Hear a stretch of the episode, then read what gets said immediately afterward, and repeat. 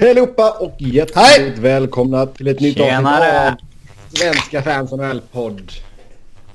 Robin knäcker en äh, läsk. Hörde du inte vad det var?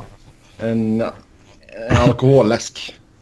Nej. En cider. Det, det var en Pepsi Max. Ja, en Pepsi Max. Okay. Ja, själv så kör jag en uh, Big K Diet Dr. K. Det är Låter väldigt amerikanskt. Ja, det är så en knock-off Dr. Pepper. Aha. Budgetvarianten eller? Japp. 12, 12 pack för en dollar hittade jag på uh, matvarubutiken hemma här. Så det, det blev den. Uff. Ja, det kan man inte säga nej vet du. En bra deal. Uh, då är man med. Uh, på tal om deals så ska vi självklart snacka om trade deadline här och veckan som ledde upp till deadline och gå igenom samtliga lag och vad de hittade på här. Vissa lag spände ju musklerna riktigt rejält medan andra satt ganska lugnt i båten. Och eh, vi kör i bokstavsordning fast vi börjar i ändan av alfabetet. Så vi kommer börja med Winnipeg och jobba oss hela vägen tillbaka till Anaheim. Så först ut då Winnipeg. Där deras stora trade var att man uh, tradade till sig på Strasny. Ja, vad är temperaturen just nu i Winnipeg? Vet ej. Nej, kolla upp det snabbt. Mm. Dåligt wifi också tydligen. Uh, Paul Stastny i alla fall tradades till Winnipeg från St. Louis i utbyte mot ett första rundsval, ett conditional fjärde rundsval och Eric Foley. Och sedan så tradade man även till sig Joe Morrow från Montreal i utbyte mot ett fjärde rundsval. Det är bara minus sju. Vilken besvikelse. kallare i Växjö för fan. Ja. Och i Stockholm. Ja, ja. Vegas då? Nej. Nej. det lär vara lite varmare där i alla fall. Vilken jätterolig podcast hade blivit om vi bara gick igenom lagen och sa liksom vad det var för väder och temperaturer. Och så ja, låtsades som ingenting. Och vad de gjorde. Och tog vi lyssnarfrågorna på slutet såklart. Men... Ja. ja okay. vi satsar Nej, men... på det nästa vecka. Nej det gör vi inte. Det ska inte bli en jävla väderpodcast det här. uh, men Stasny i alla fall. Nu har man en riktigt uh, bra centeruppsättning i Winnipeg. Ja, uh, det var väl någon på TSN som deklarerade det här som ligans bästa topp 9. Och det håller jag väl kanske inte riktigt med om med tanke på att ja, det, de har ju inte nio fantastiska forwards liksom. Mm. Nej, fast en jävligt sexig tredje kedja med Ehlers, Stasny och Line. Ja, alltså de har ju två kedjor som på pappret är fantastiska. Dels den du, du nämnde här då och sen uh, Scheifele, Wheeler, Connor. Som har uh, extrem potential för att ställa till med riktig jävelskap i slutspelet liksom. Om de nu tar sig dit, men det får man ju förutsätta. Ja. Eh, så det är ju skoj att Jets satsar. Vi har ju några säsonger egentligen bara suttit och pratat om när fan händer det någonting i Winnipeg liksom. Att man bara väntar på att de ska ta det där steget. Vilket de kanske ser ut att ha tagit nu. Mm. Nästa år när de är 23 igen så sitter vi och tänker. Exakt kan ju hända. Ligan är ju så pass jämn. Absolut, absolut. Uh, Stastny idag är ju såklart en bra uh, vad ska man säga, förstärkning för Winnipeg. Uh, han är ju inte vad han var för ytterligare ett gäng år sedan. Men uh, gedigen solid center för dem som uh, spetsar till laget en hel del. Du säger att han är en bra andra center, den nivån? Mm. Då måste han vara en riktigt bra 3D-center. Muy bien, ja. ja. Ja, det är fint. Uh, Joe Morrow, ja, det är inte så mycket att säga om honom va? Nej, lite, bredd. lite djup och bredd för försvaret. Ja, det är aldrig fel. De har ju någon skada på True och lite sådana grejer. Så det... mm. Vad tycker, om pri... av med, så. Vad tycker du om uh, utbytet man skickat till St. Louis då? Nej, men Winnipeg är ju ett läge där de faktiskt kan ge upp uh, picks och någon prospect sådär. De har en fantastisk ung stomme. Där väldigt många redan har slagit sig in i NHL och där ytterligare någon är på väg. Så de har inga problem att ge upp det egentligen. Mm. Blues mm. i sin tur eh, kommer vi väl till. Ja, det gör vi snart. Ja. Absolut. Eh, men det är jävligt, jävligt skoj det här tycker jag. Det, det är skoj att se Jets uh, satsa. De har ju något spännande på gång. Jag tror väl de kommer få svårt att ta sig förbi Nashville som jag håller som favoriter i Western. Men jag tror mycket väl att Winnipeg kan ställa till med djävulskap mot uh, alltså mer etablerade slutspelslag om man säger så. Ja. Om de skulle gå upp mot eh, Sharks, Anaheim, Dallas, LA som alla känns liksom som mer etablerade på något sätt. Så, eller Minnesota för den delen. Så, så ja, just, just att... nu så blir det ju att man går upp mot Minnesota i en första runda. Mm. Och där Och det... eh, blir Winnipeg farliga. Mm. Vi har fått in en lyssnarfråga här också. Uh, kan vi nu kåra Cheval Dayoff som vinnaren av Buffalo-Winnipeg-traden? Uh, ja, vad fan innehöll den? Det var Tyler Myers, Bogosian... Kane. Uh, ja. Men det var Jets som fick ett första val med på köpet va?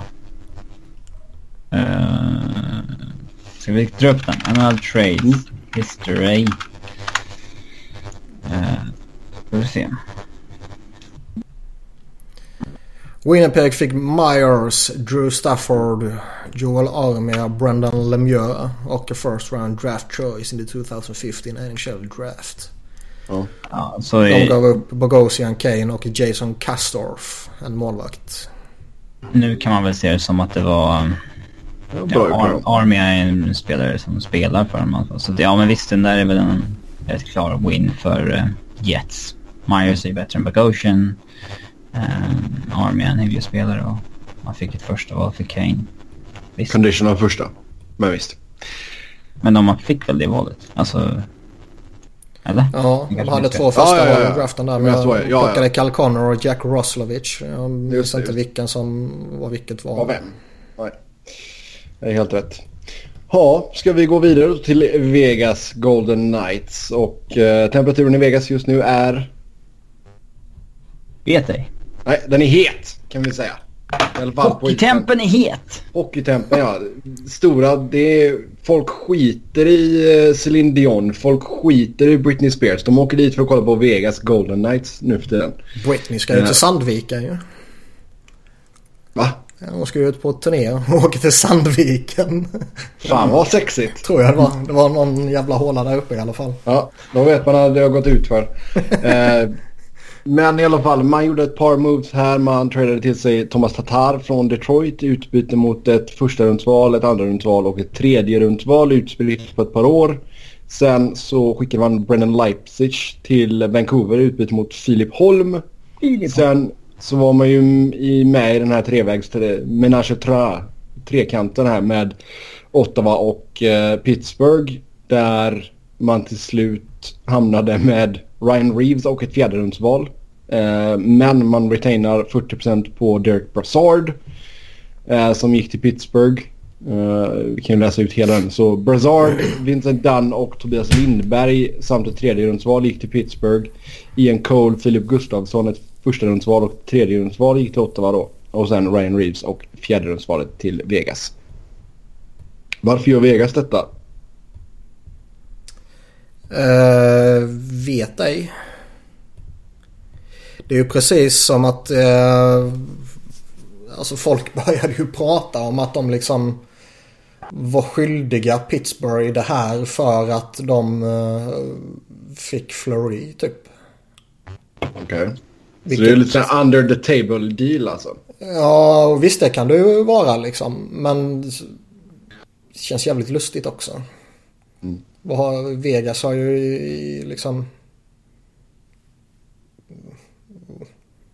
De tjänar ju inget på det liksom. Nej. Det var inte så att de gjorde Pittsburgh Reach. en tjänst som plockade Flurry. Även om det var ett tufft läge att eh, alltså de skulle välja mellan Flurry eller Murray så att säga. Och, eh, han hade no movement-klausul och hela det här köret. Så visst, det var ju en avancerad situation om man säger så. Men jag tycker det känns jävligt långsökt att det var så. Mm. Ja, man fick Ryan Reeves och fjärderumsval i alla fall. Um... Och Reeves är ju klappkass ju. Jag förstår inte vad fan man ska med honom till. Eller klappkast är han ju inte, men... men uh... De byter ju pengar mot ett draftval spelare här bara. Jo. På så ja. sätt så är det ju en sportslig satsning liksom. Alltså, de där, de kommer ju inte vara upp till lönetaket ändå. Nej, nej, de hade ju gått om plats. Så det har inga problem för dem att ta det. Uh, men Tatar, Tatar då? Det är ju en sån spelare som uh, kan ge dem lite spets här i ett slutspel. Och ja. framöver. Han har, han har ju ändå några år på kontraktet. Jag tror han ja, kan göra nytta men det var fan en dyr trade. Alltså jag tycker om du bara läser det så här ett första, ett andra, ett tredje. Ja absolut. Det som gör det lite Hur ska man annars läsa det, det Jo men alltså att om du tittar på när det är. Det, de har ändå spritt ut det. Hade det varit för en och, sam, ett ja, en och samma draft så hade det varit kalas överpris. Så på så sätt så är det väl lite lättare att smälta kan jag tycka. Jo det är det väl och visst han kan väl göra sina 25 baljor igen helt klart.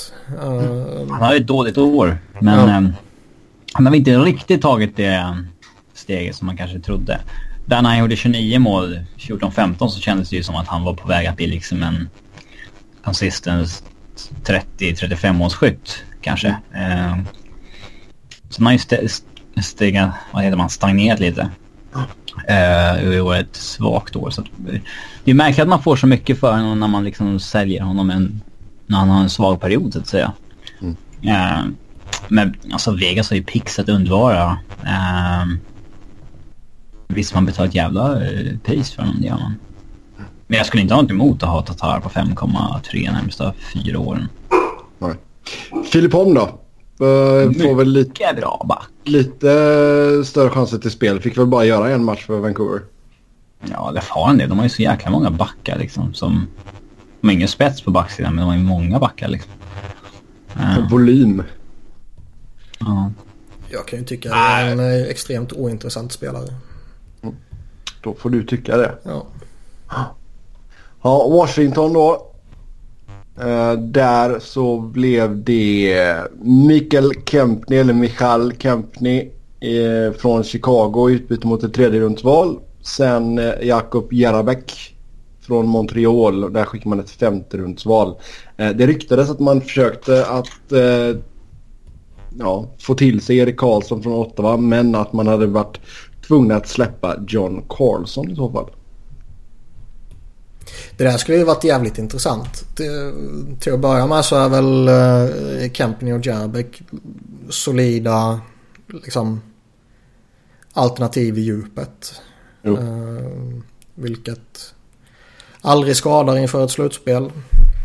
Nej, men det är ju ingenting men... som gör att du tänker wow, det här kommer att bli uh, succé liksom. Nej, nej, verkligen inte. Det intressanta är ju såklart uh, Karlsson och... Karlsson och Karlsson. um, jag tror ju inte direkt man skulle haft några problem och göra sig av med John Carlson. Om det var så att man hade möjlighet att få in Erik Karlsson.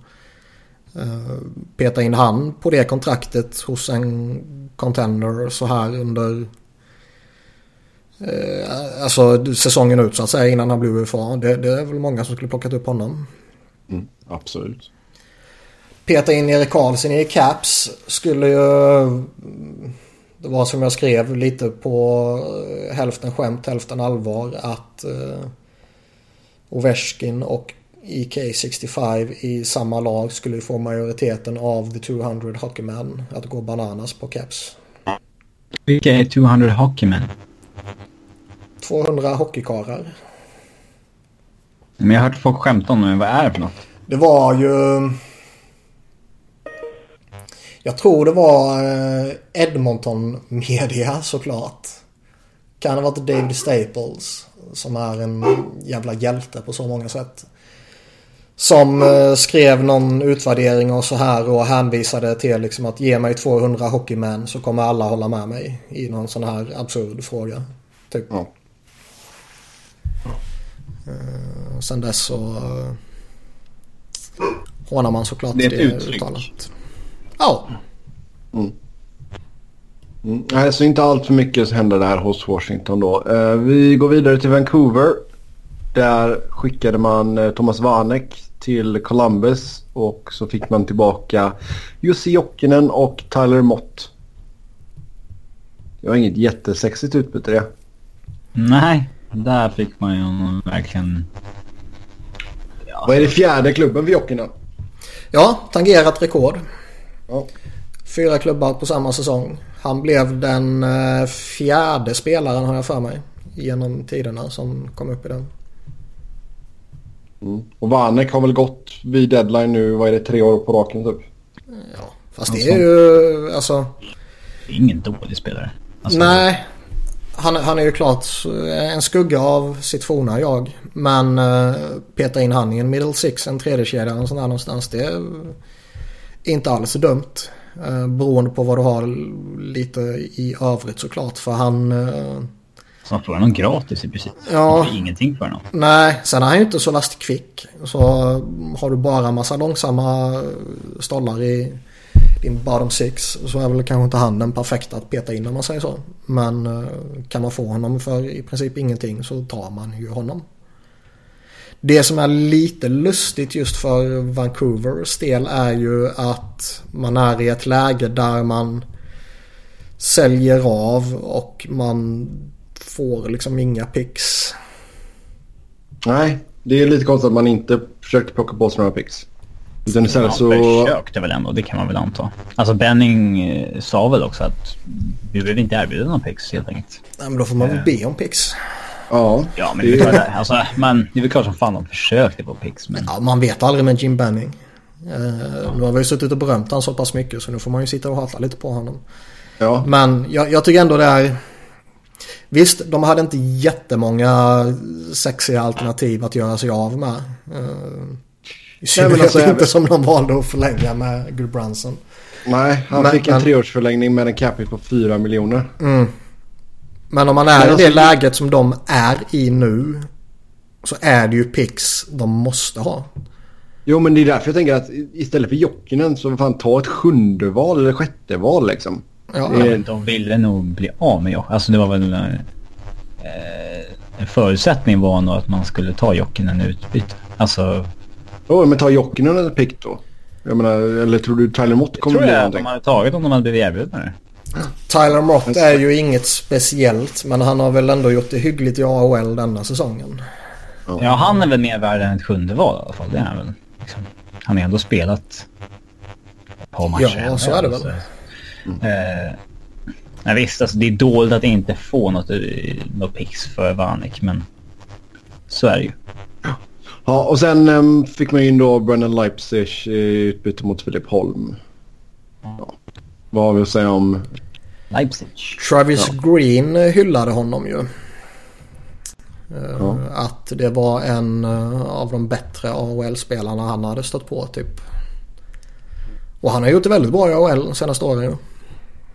Uh, så visst, med lite flyt kan man ha gjort ett fynd där. Han kanske bara väntar på att få chansen någonstans i en uh, framskjuten roll så att säga. Och upp till honom att ta chansen. Men det är ju inte någon sexy trade så ju. Nej, det är det verkligen inte. Vidare till uh, Toronto där man eh, uh, trädde till sig Thomas Plekanec och Kyle Barn i utbyte mot Kirby Reichel, Rinat Valjev och ett andra rundsval då som gick till Montreal och sen skickade man Eric Fair till San Jose i utbyte mot ett sjunde rundsval. Lite förvånande att det inte blev någon back. Ja, absolut. Man, vi, alltså, vi snackade ju mycket om att ja, men Mike Green kan ju vara en, eh, en bra fit där. Liksom, hyfsat. Mm. Man trodde väl inte att priset inte var för mycket för honom. Men det verkar ju som att lag... Det var någon som skrev att lag var... Det var Myrtle kanske. Eh, lag var lite rädda i och med att han gick skadad nu och sådär. Ja, det är klart det avskräcker. Detroits pris kanske var på snudden för mycket. Sen är ju en, eh, jag menar Plekanec är ju en uppgradering på deras centerposition. Han är såklart ingen, eh, han kommer ju inte axla Austin Matthews roll nu när han är borta. Men en jättebra center som man petar in lite längre ner i kedjorna. Mm. Så det tror jag bara är positivt för dem och klart överkomligt pris. Men som sagt jag tycker ändå att skulle man vara Toronto-supporter så skulle man ju suttit och hoppats på den där backen. För det är ju som vi har pratat om. De har ändå gjort det bra. Det de har fått till medan Matthews och Nylander och Marner och alla de där fortfarande är på entry level kontrakt medan Edmonton har fuckat upp det fullkomligt. Ja. Och då känns det som att det är nu de ska gå för det. Mm. Jo, absolut. Och speciellt med tanke på vad som kommer på vårt nästa lag här. Så eh, en back hade verkligen behövts för att spetsa till det lite. Eh, lyssnarfråga som vi fått in här. Ni har tidigare varit positiva till Lamarello och Shanahan. Är de exponerade nu? Vad åsyftas? Ja, att de kanske inte är så bra som vi, eller att vi inte ska vara så positiva till dem som vi varit. Har de gjort någonting senaste veckan som föranleder det frågan? Ja, det kanske är vad de gjorde här vid deadline. Att man inte fick in den här backen till exempel då. Man kan inte döma dem för... Alltså... Om priserna var för höga ska de ju inte göra det. Alltså... Det är svårt att döma någon för att man inte har köpt en viss position liksom. Uh, jag tycker Buchanan-traden inte alls är dålig. Uh, på något sätt. Mm. Lite roligt ändå att, att han tar och rakar av skägget direkt också. För han vet Uncle Lou's regler liksom. Det här är så ja, jävla alltså, tramsigt. Jag skulle tokvägra. Alltså, om Luke skulle... på riktigt skulle ha ett problem att han har ett skägg. Då, ja. eh, alltså... Det är käften, extrem, extremt, extremt old school. Uh, Tampa Bay då, de gjorde ju en av de största traderna, eller den största traden ska vi säga, uh, på deadline. Ryan McDonough och JT Miller plockade man in från New York Rangers i utbyte mot Vladislav Namestnikov, Brett Hoden, Libor Hayek, eller Hasek. Uh, ett första och ett conditionals, conditional andra som blir ett första val ifall Tampa Bay vinner Stanley Cup? Um, Något av de kommande här... två åren tror jag till och med det var. Mm. Ja, inte så dåligt. Um... Men alltså här kan ju säga att Tampa Bay går ju för det. Stenhårt verkligen. Och jag tycker att det var ett överkomligt pris. Speciellt med tanke på att du får McDonough och JT Miller. Grejen är att jag tycker det är en fantastisk trade för Tampa. Visst, det, det suger väl att de får ju upp Namestnikov som är en duktig forward. Men jag menar det kompenseras ju med råge i Miller tycker jag. Det, det är väl... De två går väl jämnt ut? Det går väl jämnt ut så att säga. Mm. Um, sen har vi ju både Libor Hajek och Brett Howden som är bra prospects, solida prospects. Men, och nu blir Bill kanske det här lite mer Rangers-vinklat egentligen i den här analysen. Men Får man in en Ryan McDonough på ett väldigt vänligt kontrakt som dessutom sträcker sig över kommande säsong också. Ja. Som dessutom in, i en trade som inkluderar JT Miller som blir RFA, det vill säga du fortfarande...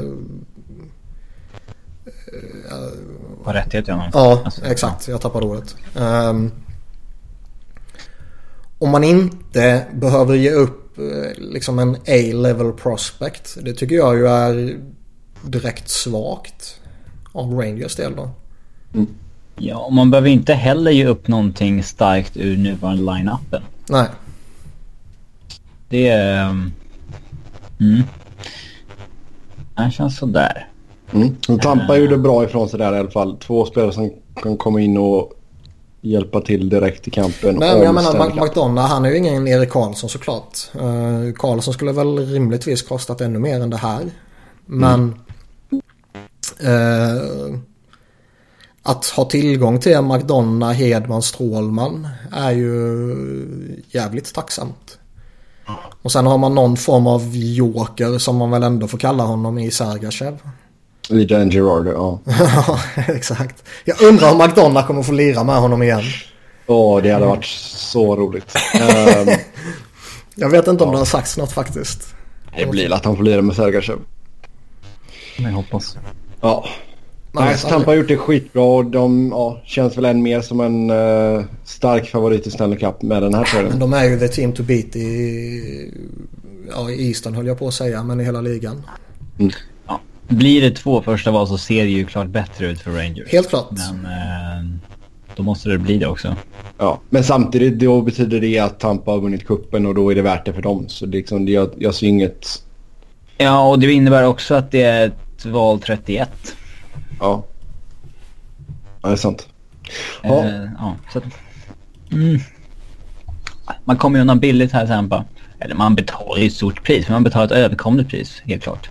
Ja. Och eh, Rangers får inte in någonting som liksom kraftigt förändrar bilden av hur deras framtid ser ut. Mm. Uh, St. Louis, de gjorde inte någonting mer än uh, Stasny-traden. Lite konstigt ändå. Det är ju faktiskt jävligt fascinerande det här. De är ju i jättefritt fall nu och har ju kollapsat fullkomligt. Och visst, de är bara en poäng utanför slutspel. Och mm. eh, det gick ju rykten om att det var något riktigt stort på gång och det började tyckas både Mike Hoffman och Tavares och hela skiten liksom. Så man kände, det kändes verkligen som att nu när de skickade Stasny och så fick de in lite pix och grejer. Då kommer de använda det till att göra en, en, en separat trade för något annat. Ja. Uh, och visst det kanske var planen och sen kollapsade det. Och och så står man där med skägget i brevlådan liksom. Det skickar en jävligt konstig signal till laget. Alltså till... Raiden Chen var ute och snackade lite och han var ju minst sagt chockad.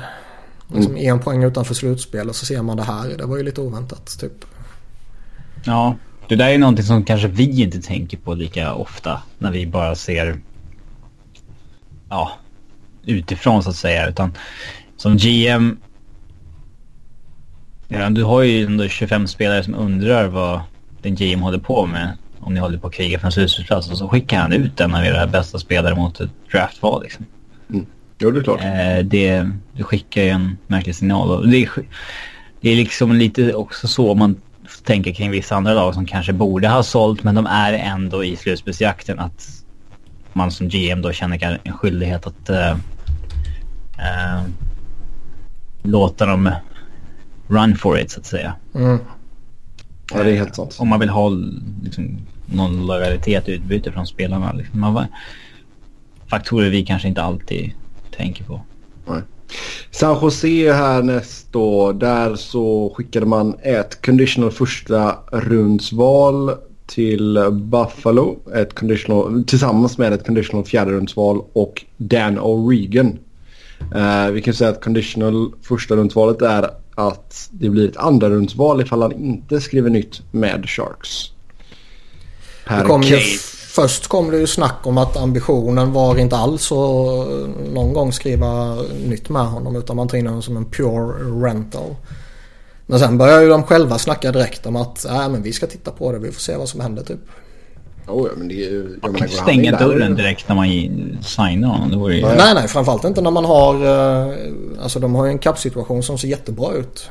Och det har ju ryktats en hel del om att de kanske kommer gå efter Tavares om han skulle nå äh, Free Agency. Mm. Det känns ju som ett uh, vettigt val. En arvtagare till Jumbo Joe. Ja, men, men jag liksom säga att på tal om Thornton, säga att han kommer tillbaka och de lirar Kane, Thornton, Pavelsk eller vad som helst. Då kan ju Kane mycket väl göra hur många poäng och mål som helst ju. Och då mm, har han ju ett stort kontrakt framför sig. Oavsett om det är i Sharks eller i någon annanstans. Ja, man hoppas väl lite att man ska... Man tappar ju ändå en del mål när man eh, släppte Marlös. Så det är väl lite det man hoppas på att få tillbaka här i Kane kanske. Sen tog man ju in Eric Fair också då. Man skickade ett sjunde rundsval till Toronto. Eric Fair, hur sexig är han dessa dagar? I AHL av en anledning. Mm. Han har dock gjort det bra där. Vilket han ska ha cred för väl. Det är inte alla veteraner som i det här skedet i sin karriär skickas ner till AHL och faktiskt eh, eh, kriga på. Bra ut. Ja, exakt. Som Peter Buda gjorde. Mm. Ja, herre jävla vad bra han var. Uh, Pittsburgh, regerande mästarna. Tycker ni att man går för det med de uh, moves som man gjorde? Man plockade in Josh Joris från uh, Carolina utbyte mot Craig McKegg. Och sen då eh, Derek Brassard, Vincent Dunn, Tobias Lindberg och ett tredjedelsval. Utbyte mot Ian Cole, Filip Gustafsson, ett förstadelsval och ett tredjedelsval till Ottawa och så Ryan Reeves och ett fjärdedelsval till Vegas då och de retainade 40% av Brassard. Vi pratade om ligans bästa topp 9 när, eh, i Winnipeg att folk tyckte det. Men den är väl kanske snarare här kan jag tycka. Och den är ju egentligen bara baserad på fyra spelare. Eller fem, förlåt. Mm. Men Brassard för, för Pittsburgh är en utomordentligt duktig tredje center. Han är en gedigen andra center i vilket lag som helst. Men jag är svårt att se honom peta ner Crosby eller Malkin ett, ett hack så att säga. Nej. Ja, det lär ju inte hända. Så det är ju... Ja, det är ju en jättebra värvning för dem. Och... Mm. Det kom ju något rykte lite sådär att de var intresserade av någon back också. Och visst man kan ju putsa till den där backbesättningen rätt saftigt bakom Letang. Men um, har man lyckats vinna med det en gång så varför inte en annan gång liksom? Ja det kom väl ett snabbt rykte där om att man var inne på McDonough. Och mm. sen uh, det dog ju ganska fort. Uh, ska vi säga. Men sen skrev man även en förlängning med Patrik Hörnqvist. Fem år, 5,3 miljoner capita. Oh. Den känns som en potentiell punktspark för dem om några år. Den känns som en given amnesty buyout efter nästa lockout. Precis. Men om vi... Ja, det är ju en faktor man får räkna in. Men... Ja, det här löper alltså tills han är 35 och ett halvt år gammal. Eh... 35 och ett halvt, yes. Ja, men... Det är viktigt. Det är... Ja, men det är viktigt. Det är viktigt. Det är, ja, det är jätteviktigt. Därför garvar du. Mm. Nej, för att det, jag, jag har liksom aldrig hört det halva när det kommer upp till typ att vi är över sju Nej, man är tre och ett halvt. Ja. ja, men det är en jävla skillnad på om en spelare fyller hur, gammal, hur gammal är du Robin? 26 och ett halvt, tack. Mm. Jag brukar säga så. Ja. Men... Eh, Ja, han är ju född första januari också så han är ju verkligen 35 och ett halvt exakt när vi går ut. Mm. Eh, ja, 5,3 för Hörnqvist idag till och med det tycker jag ändå på håret alltså. Eh, och dessutom om några år, alltså det är en fantastisk eh, spelare och lagkamrat och så vidare. Och jag tror ja, alla, så länge han får den servicen också så tror jag inte, alltså han kommer göra sina poäng. Ja. Grejen är att han... Han har, alltså det här är ju ett typexempel på en lite äldre spelare, slitsam spelstil, kroppen börjar gå sönder lite och sen vill man ju inte signa det här kontraktet. Mm. Sen visst, nu är väl Pittsburgh i ett, i ett läge där de ändå... Uh, Känns det inte som att de skulle kunna ersätta Hörnqvist rätt enkelt? Jo, å ena sidan skulle de kunna ersätta honom rätt enkelt. Å andra sidan så är de ju faktiskt i ett läge där de rimligtvis bara borde kunna skita heligt i vad som händer om tre år. Sant. I synnerhet Rutherford som... Uh, jag menar vinner han tredje raka kuppen med Pittsburgh nu då kan han göra vilken skit som helst de kommande åren och han kommer ändå bara bli hyllad när man blickar tillbaka på honom liksom. Jo, ja, jo alltså, eller, eller ska han bara ju... säga tack och hej också. Crosby är ju 30, han är inte 37. Nej. Så att deras window ska väl förhoppningsvis vara hans karriär ut och Malkens karriär ut. Och de borde väl förhoppningsvis vara spelare som håller upp i liksom 36-37 års åldern, ja. den nivån. Uh, så det... Man, man kortar ju... Alltså det är potentiellt ett kontrakt som kortar ner deras fönster rätt hårt. Eller så skickar man honom till Vegas och så... Så löser det sig. Det kommer ju snart uh, en expansionsdraft också. ja, exakt. Exakt. Släppa honom till Seattle. Um, vidare till Philadelphia. Vi ska tillägga det om Pittsburgh också. Uh, under gårdagen så gick ju Matt Murray sönder. Ja, han fick en puck i huvudet. Och, och eh, idag har det ju bekräftats en vara en hjärnskakning. Ja. Och det började, direkt när det kom där så började det ju tugga som fan ska de gå in och ta någon uh, varva in någon uh, veteran för lite trygghet och säkerhet eller liksom, vad gör man? Och sen kommer hjärnskakningen idag. Det måste ju vara lite... Den är sur. Lite surt ja. Ja. Och det går, Men... inte ens plocka, det går inte ens att plocka en free agent målvakt nu va? Nej. Det fönstret är också stängt. Mm. Det finns ingen som är så här... Uh, emergency trade för målvakt, eller hur? För jag, något, för, för, något snack om det har jag hört ändå förut. Att man kan få ta in en målvakt efter deadline, typ. Men det finns inget sånt, eller? Inte vad jag vet. Ja, inte vad jag vet heller. Är det någon av lyssnarna som vet det så skriv in. I alla fall, Philadelphia då. Man plockar in Peter Merasek eh, på, på grund av sina mm, skadeproblem på målvaktspositionen. Man skickade ett conditional tredjerumsval och ett conditional fjärderumsval till Detroit. Sen så plockar man upp Jonny Oduya på Wavers från Ottawa. Och så tappar man Mark Alt till Colorado via Wavers. Mm. Alltså Merasek är ju så... Alltså potentiell, alltså... Han har gjort det bra. Ja, ja, alltså han är den första målvakten sen Brysgalov som vinner sina tre första matcher i Flyers. Mm. Det, kan jag, det gillar mitt fantasylag att han gjorde. Brys Reborn. Men eh, alltså potentiellt här så har man ju fått sin första mål de kommande tio åren. Det vet vi inte. Kanske det. Eh, målvakt är ju så billigt idag det, jag tycker att man gör en väldigt bra deal som går efter med Asek här. Framförallt var det en väldigt bra deal med tanke på vilka förutsättningar man befann sig i. Där varenda människa, till och med Ken Holland, måste jag ju fattat att Philadelphia var i desperat behov av en målvakt. När både Elliot och Neuwirth gick sönder.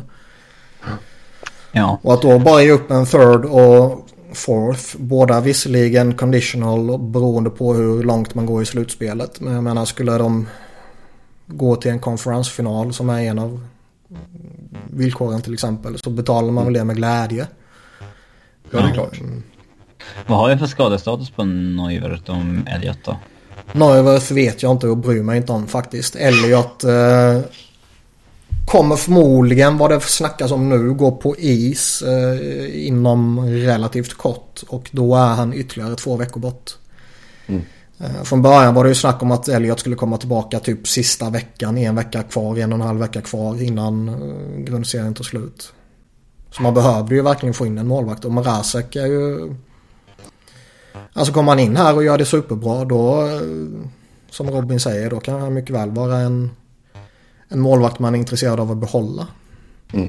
Och sen får man in en eh, proven winner i omklädningsrummet med eh, Jon Odoja. Det var fina ord från Hextall.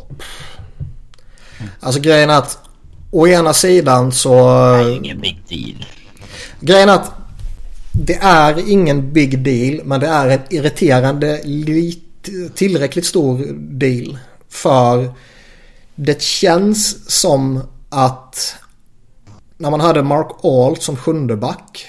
Om någon av de sex ordinarie skulle gått sönder och blivit borta länge. Så skulle man förmodligen kallat upp eh, Sandheim och så skulle han fått lira. Skulle det bara varit en match på en bortaturné då slänger man in Mark Alt liksom. Men nu är det, känns det som att Odoja han är ju liksom den typiska sjundebacken. Eller om det blir Brandon Manning som får peta och, och sitta på läktaren istället. Så liksom, skulle någon ordinarie gå bort så har ju Sandheim rimligtvis trillat ner ett tack till i mm, hierarkin. Det irriterar mig något fruktansvärt. Om, det nu är så, vilket man ju typ får förutsätta. Um, å andra sidan så är det väl det är väl aldrig fel att få in lite djup i försvaret liksom. Sen är Odoja, han är ju... Ändå en kille som har gjort 850 NHL-matcher. Alltså om, det, om, om, man ska spela slutspel och... Eh, ja, det är inte fel att få in en sån så... spelare. Och, och eh, Två ringar, ja det hjälper väl alltid i ett omklädningsrum där det inte finns eh, överdrivet många ringar direkt liksom.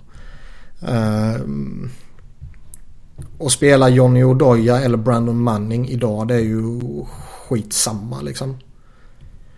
Och fördelen här är ju att man gav inte upp någonting. Mm. Alltså tittar man på priserna som gick för att ta in rätt liksom mediokra backar för lite djup så var det alltifrån en third rounder ner till en fifth rounder eller något sånt där. Beroende på vem det blev och hela det här köret. Och, ja, Tino Doja gratis då det är väl rätt rimligt. Mm. Sen var det ju många som, alltså det var många som var Flyer och Twitter är ju en guldgruva liksom. Det var ju ja. väldigt många som var väldigt irriterade över att man inte gjorde någonting. med tanke på att man går bra den här sidan årsskiftet så är man ju faktiskt NHLs bästa lag sett till antalet poäng och antalet segrar. Uh, nu tycker jag ju inte att man är en contender på något sätt så. Uh, däremot tror jag man kan ställa till djävulskap i ett slutspel om man får möta uh, Alltså i en runda eller två något sånt där. Men... Man är väl ett lag som varken borde vara en seller eller buyer. Nej, nej, exakt. Jag sparar ju hellre våra tillgångar för att spendera dem nästa säsong eller nästa, nästa säsong när vi rimligtvis borde vara en avsevärt mycket större contender. Mm. Mycket lösskägg nu i Wells Fargo Center framöver. Uh, vi går till Ottawa. Och den stora snackisen där var ju självklart Erik Karlssons vara eller icke vara. Nu blev det så att han stannade.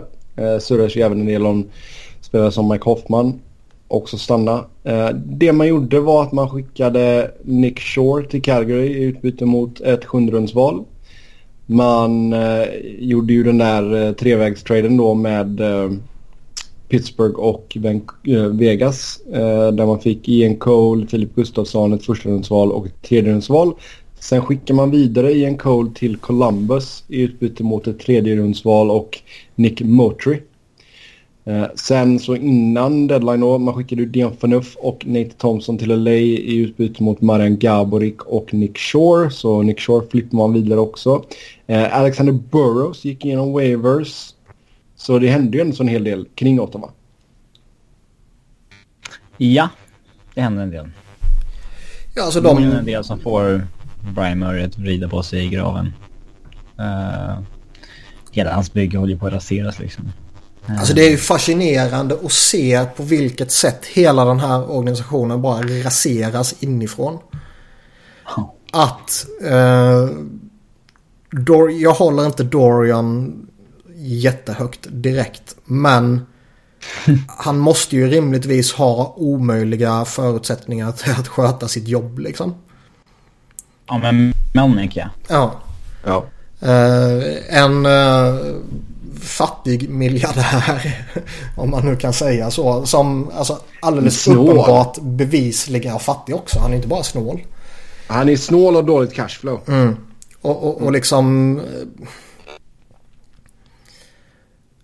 att hantera det är ju rimligtvis jättesvårt. Där man hamnar i ett läge där du säljer den här erans du tvingas liksom sälja den här erans bästa back. Mm. Eh, en av tidernas främsta backar, förmodligen tidernas främsta högerfattade back liksom.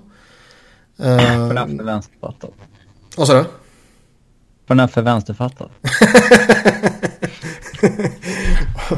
och, och eh, man tvingas göra det för att ägaren inte kan eller inte vill betala ut pengar. Han blir ovän med sin lagkapten, sin franchise player, sin superstjärna, sin uh, allt. Den som säljer biljetter. Den som säljer biljetter för en Uber-resa på 350 dollar. Där han har skällt ut honom för att han inte har betalat ut det inför hela laget i en omklädningsrum liksom. Och visst, eh, är det så att man är återbetalningsskyldig då ska man ju betala tillbaka. Men... Pick your fights. Ja, att det har fått en sån liksom extrem nivå så att det hamnat där. Och Melnick liksom ska springa ner i omklädningsrum i en periodpaus att försöka lyfta laget och, ham och hamna istället i bråk med uh, sin superstar. Alltså, det är så... Det är så obeskrivligt kaotiskt och, och, och, och liksom uselt och värdelöst och patetiskt alla negativt värdeladdade ord man någonsin kan komma på kan man ju applicera på Ottawa idag. Och när man sen då dessutom sitter i ett läge där man tvingas sälja av sin bästa spelare och den här erans bästa back. Då ska man dessutom försöka tvinga på Bobby Ryan i den delen så man använder Erik Karlsson för att bli av med Bobby Ryan. Och det kontraktet suger visserligen riktigt hårt. Men att förpesta en Karlsson-trade med Bobby Ryan, det säger allt och lite till om vilket sorgligt jävla läge Ottawa är i. Alltså hade det varit Pittsburgh eller något sånt där lag, eller Toronto, då, då, kan jag förstå, hade jag förstått att man kanske slänger in en Bobby Ryan, Alltså man försöker liksom, det är ändå löneutrymme som är jävligt värdefullt om man ska gå för det så att säga. Ja. Men det där är ju pengar som ändå inte kommer spenderas på något annat i Ottawa. Så nej, nej han vill ju bara, bara spara in det. Ja, så då är det ju bara pengar som kostar dem, alltså draftval och prospects i en... När man liksom... En, en Erik Karlsson-trade är ju... Om den blir framgångsrik eller ej, ja, det avgör ju Ottawas framtid.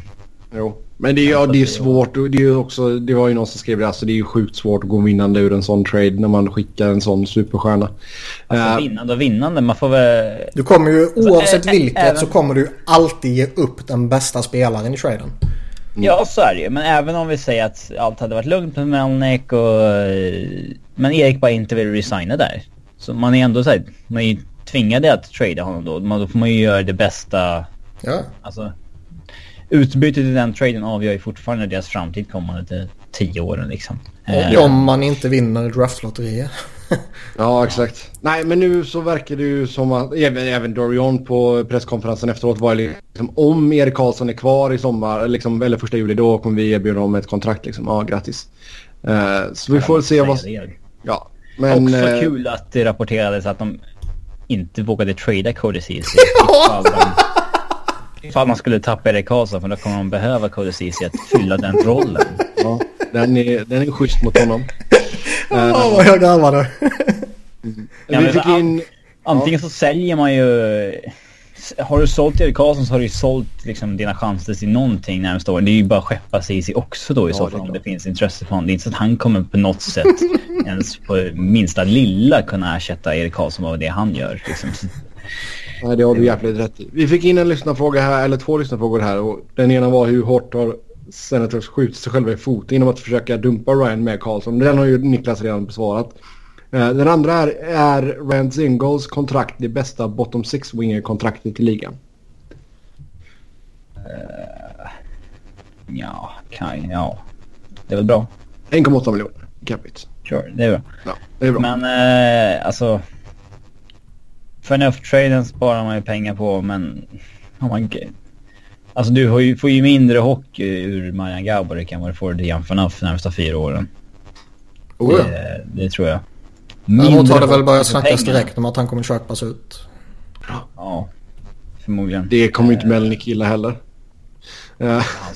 Fast å, å andra ja. sidan så han skiter ju bevisligen i precis allting så länge han eh, tjä, inte tjänar, vad heter det, sparar pengar. Mm. Mm. Och han spenderar ju mindre pengar på en utköpt Gaborik än på en spelande Gaborik. Spelande Gaborik. Och, och, och liksom bevisligen så skiter han ju i hur slagkraftigt laget är också. Mm. Men eh, vad säger ni här? Om vi går vidare från Ottawa efter den här frågan. Så tror ni att Erik Karlsson kommer att tradas vid draften? Kanske inte just draften men till sommaren känns det ju oundvikligt. Mm. Ja, bron är bränd som man säger. Okay. Ja, det känns ju alltså.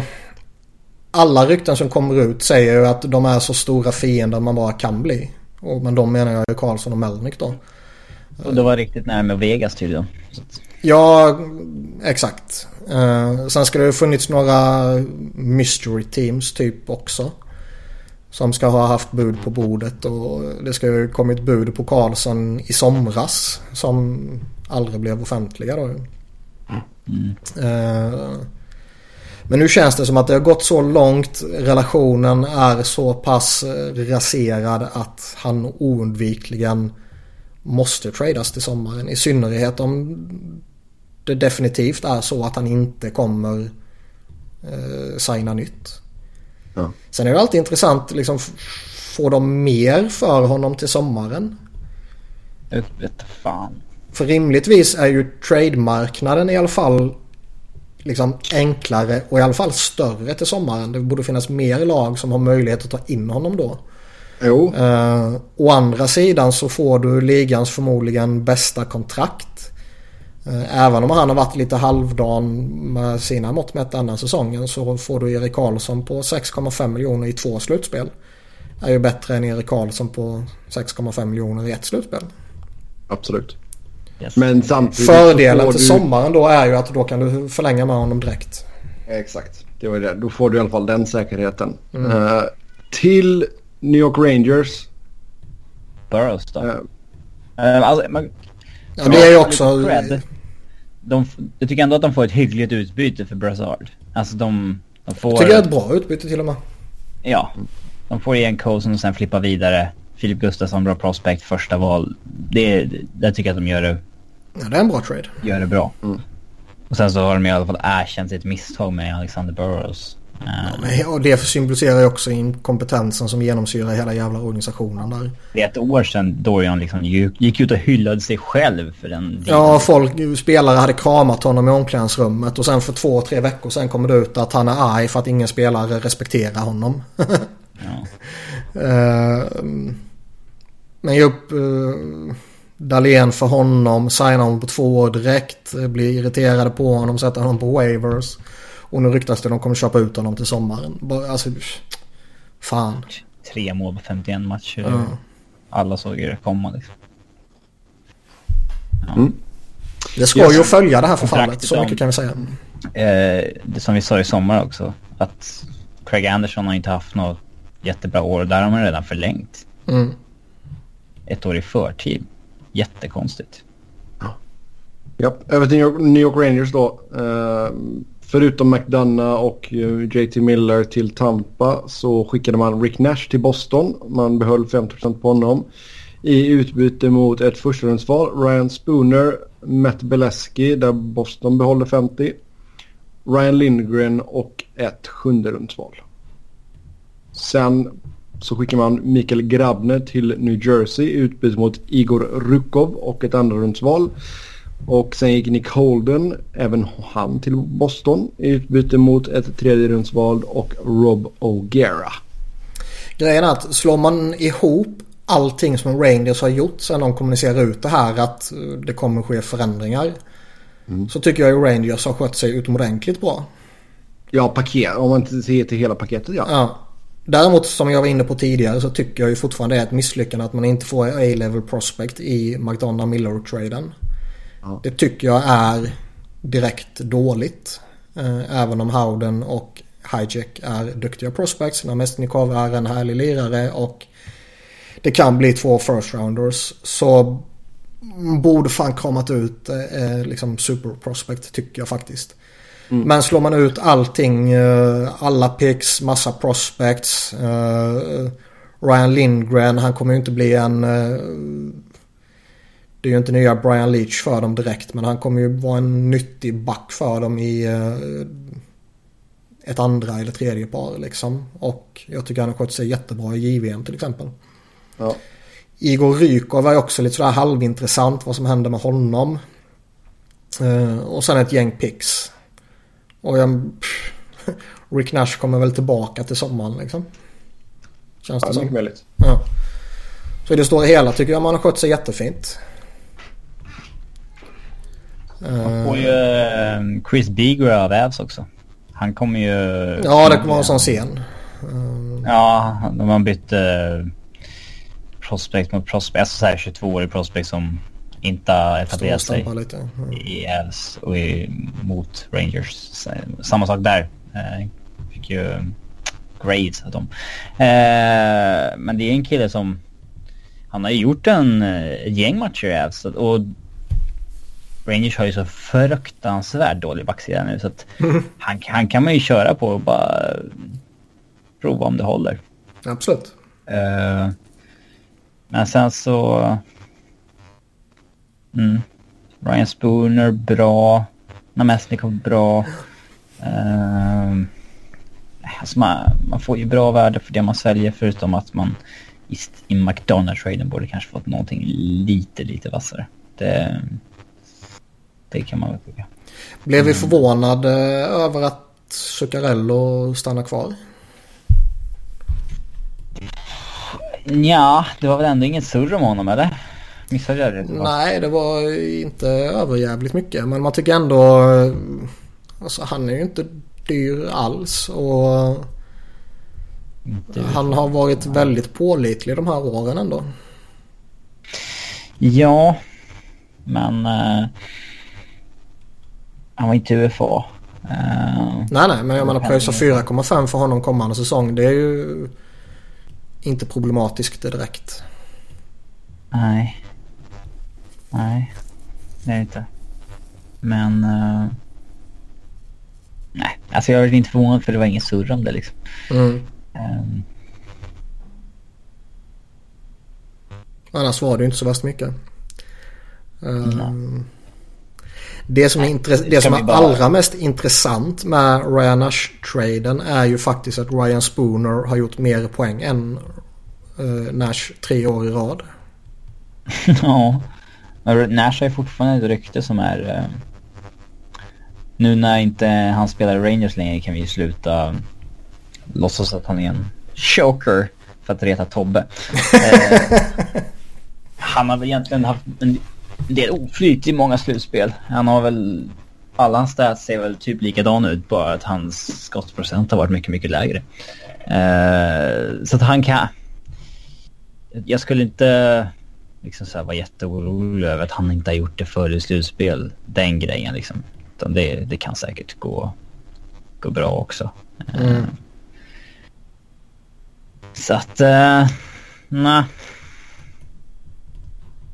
jag tycker Rangers säljer av bra här och nu handlar det bara om att cruisa säsongen ut. Och de har gjort fantastiskt bra på tal om uh, Vancouver när vi ifrågasatte deras uh, vilja och förmåga att samla på sig picks så har ju Rangers gjort det fantastiskt bra. De har tre stycken first rounders till sommaren, två stycken second rounders, två stycken third rounders. Och dessutom en extra second rounder nästa år igen. Mm. Det är så man ska rebuilda. Japp, yep. through the draft. Gäller att man väljer bra också. Intressant. Sebbe tillbaka eller? Tror inte det. Nej, fan vad lugnt och skönt det var. Mm. Ska vi gå vidare utan honom då? Ja, det tycker jag. New York Islanders. De bytte skräp mot skräp i form av Chris Wagner till uh, Islanders och Jason Camera, eller Chimera till Anaheim. Sen plockar man in Brandon Davidson från Edmonton mot en third rounder. Och sen signar man Josh Bailey på ett sexårskontrakt värt 5 miljoner per säsong. Uh, Davidson mot en third rounder är väl liksom rätt vettigt kan jag tycka. Behöver bättre på backsidan. De har lite uh, skadeproblem och skit. Så. Bailey signar 6 år 5 miljoner där. Också ett rimligt kontrakt tycker jag. Han får inga överjävliga pengar där. Uh, så att... Uh, mm. Nej, det känns fair. Uh, precis som vanligt så kan man ju koppla precis allting som sker i Islanders till John Tavares framtid. Och folk har ju kopplat den här förlängningen liksom som något positivt för John Tavares vilja att stanna i Islanders. Och är det så så är det bara uteslutande positivt för dem. Ja, absolut. Um, men sen är det väl som vanligt. Allting blir ju tämligen ointressant i Islanders. Så länge man inte vet vad som händer med Tavares. Ja, verkligen. Eh, det känns som att man får fucka upp det där med honom lite grann. Ja. Hoppas kom... han går vidare i sommar. Ja, det kommer lite rykten nu om att han kommer vilja testa marknaden, se vad som finns där och vad han kan bli erbjuden och sådana där saker. Och det vore ju... Det snackas ju om att Stamkos-situationen ändå fått folk att, eller lag att inse att det behöver inte vara helt omöjligt att någon testar marknaden sen ändå välja att stanna liksom. Mm. Eh, att man är lite lugnare på den biten. Eh, men, Men samtidigt, jag säger som jag alltid säger. Man får inte låta en sån spelare gå till UFA-status. Det är fan Nej. kriminellt. Nej, eller man gamblar ju liksom. Man gamblar, det gör ja. man. De är ju verkligen inte i ett läge där de kan gambla. Nej, men samtidigt, säg att de hade skeppat Tavares vid deadline. Då hade de haft noll chans att resigna honom i sommar. Och då är deras framtid. Vad hade de Nej jag menar inte nu. Då? Jag menar ju antingen gör man det sommaren eller så gör man det eller så förlänger man liksom. Mm. Som jag alltid brukar säga. Ja. Men det ska bli skoj att se om de flyttar någon annanstans. Förhoppningsvis till Western Conference. Till Philly. Ja, tror det? Nej, det tror jag inte. Han platsar inte i våran topp 6. Mm. Jaha, ska vi hoppa lite eh, till New Jersey igen. Eller igen. Eh, för första gången. De plockade in eh, en kvick jävel i Mikael Grabner och de plockade in en långsam jävel i Patrick Maroon. Igor. Rykov och en second rounder till Rangers för Grabner och JD Dudek och third rounder till Edmonton för Maroon. Ser vi på de två? jag tyckte att det var lite onödigt dyrt för, ehm, för Grabner. Att betala högt pris, ett väldigt högt pris för en bra edition i bottom 6. Tyckte jag där och då även om jag gärna skulle ha skulle gärna skulle ha Grabner i min bottom 6. Mm. Sen eh, Maroon-traden då tycker jag att det känns det som att Edmonton eh, förlorade ett game of chicken och tvingades släppa honom billigt liksom. Eh, sista timmarna. Och där känd, tycker jag att priset blev så lågt till slut att det var liksom... Det gör absolut ingenting att ta in honom mot ett, en third rounder. Alltså man får honom otroligt billigt tycker jag. Mm. Så att det var bara att köra liksom. Han kanske resignar där liksom. Då han, han sa det första han sa när han kom till New Jersey det var att han ville tillbaka till Edmonton. Jaså? Ja. Så alltså sa han att han vill signa där i sommar liksom, ja, hur? Ja. Mm. Ja. Det är roligt att Jim Matheson, den... Eh, den andra legendariska Edmonton-journalisten. Ja, han som har skrivit om Edmonton sen de tog sig till ligan 72 helt enkelt. Mm. Eh, eh, när Maroon tradades så skrev han att I would take Jesper Bratt for Maroon. Ja, det skulle du säkert. Men det skulle inte ja. Devils göra. Kanske ni slänger till ett första val. Men mm. ja. Mm. Ska vi gå vidare till Nashville? Kommer Sebbe in med lite Devils-hat och det välkomnar vi alltid. Ja, men jag tycker inte att Devils... Uh, lite som jag snackade om förut med GMs och sånt där. Att uh, kanske skyldiga laget att satsa lite. Uh, mm. Det kan väl eh, att man plockar in två stycken wingers och eh, två stycken left-wingers. Vilket man väl får se båda två som i grunden. Eh, kan ju kanske vara dåliga nyheter för Mojo. Mm. Tecken på att Ryan Clough inte kommer spela. ja. Har man glömt nästan. Mm. Ja, mer eller mindre. Nashville då, där så skickade man ett första rundsval, ett fjärde rundsval och Victor Ejdsell till Chicago i utbyte mot Ryan Hartman och ett femte rundsval. Sen så gjorde man en trevägare eh, där Mark Lotesto gick till Columbus, ett fjärde rundsval gick till Nashville och Pontus Åberg gick till Edmonton. Sen så kritade man på ett ettårskontrakt med Mike Fisher och sen så gick det rykten om att man gick efter Erik Karlsson. Alltså Erik Karlsson är ju såklart det häftigaste med Nashville-delen här.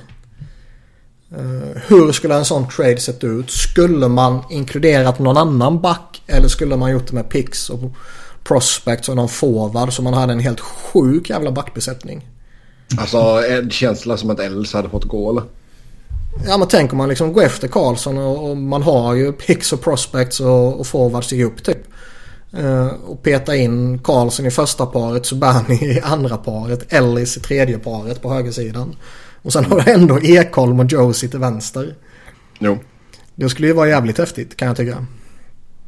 Och ja, bara, bara testa att gå för det med, vi offrar någon Arvidsson eller Forsberg eller någon för att få Karlsson liksom. Och så bara provar man att gå för det med en superbackbesättning och halvdan forwardsbesättning liksom. Ja, det skulle varit häftigt. Mm. Men eh, rimligtvis var det kanske bara så att eh, David Poyle engagerar sig för att försöka trissa upp priset på något sätt. Ja, Mycket möjligt. Eller så gör han bara sitt jobb och hör sig för. Exakt. Uh, Ryan Hartman är väl den stora grejen för dem här. Uh, jag tycker den där fourth rounden de fick in är mer intressant. Ja, fifth. Ja, du menar fourth rounder, Letesto Åberg. ja, exakt. Alltså grejen är, jag, jag gillar Hartman. Det kom ju lite rykten om att Flyers tittade på honom. Och eh, jag tror han är en väldigt bra spelare att peta in i din middle six typ. Uh, jag skulle gärna gjort det i Flyers men jag trodde inte han skulle kosta så här mycket. Och samtidigt, om man ska betala första val vid deadline. Gör man inte hellre på en spelare som Ryan Hartman som man kan få behålla än en spelare som Rick Nash som ändå, alltså som är pure rental liksom. Jo, ja, på, på så sätt är det kanske inte så dumt. Nej, nej, jag gillar den här. Jag bara tycker det blev lite, lite dyrt. Mm. Ja, kanske det. Han kommer ju Men... från, uh, han har inte gjort så jättemånga mål. Han har ju varit rätt duktig där tidigare. Och uh,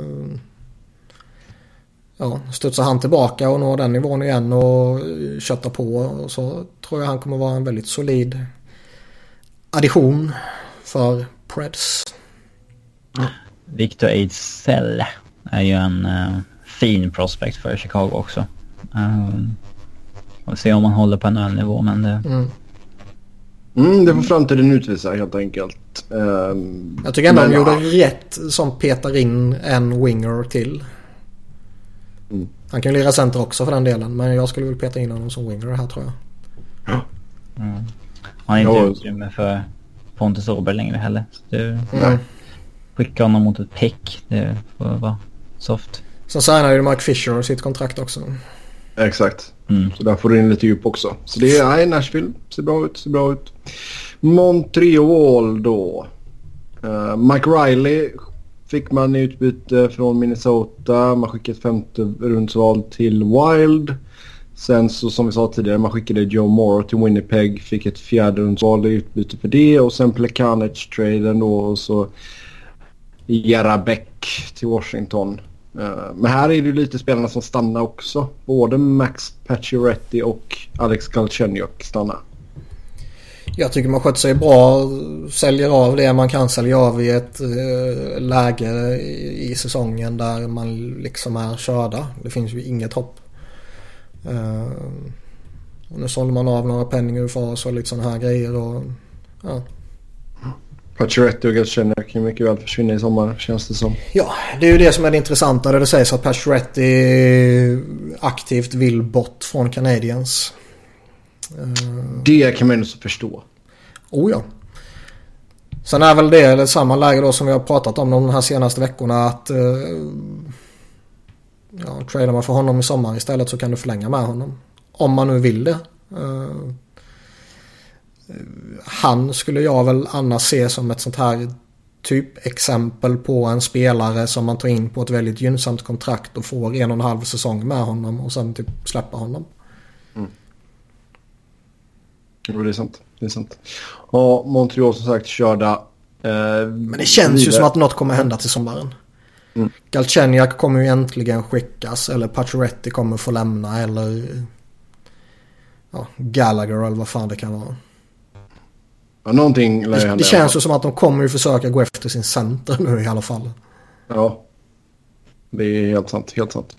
Minnesota då, där händer inte mycket. Mike Riley skickade de till Montreal som vi sa och sen så gick Chris Stewart till Calgary via waivers från Minnesota. De satsade ju rätt hårt förra året och det gick ju inte så jättebra för dem. Nej. Så de uh, blev väl avskräckta av det kanske. Mm. Mycket möjligt. Men inte mycket som händer där i Minnesota just nu så ligger man på en slutspelsplats i alla fall. Det som är intressant är väl egentligen att de skapar sig nu lite utrymme för att kunna plocka upp Luke Kunin och signa Jordan Greenway. Mm.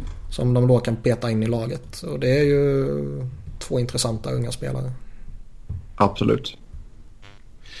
Los Angeles Kings där gjorde man inte någonting på deadline men innan dess så eh, fick man Tobias Reader och Scott Wedgwood från Arizona i utbyte mot Darcy Kemper.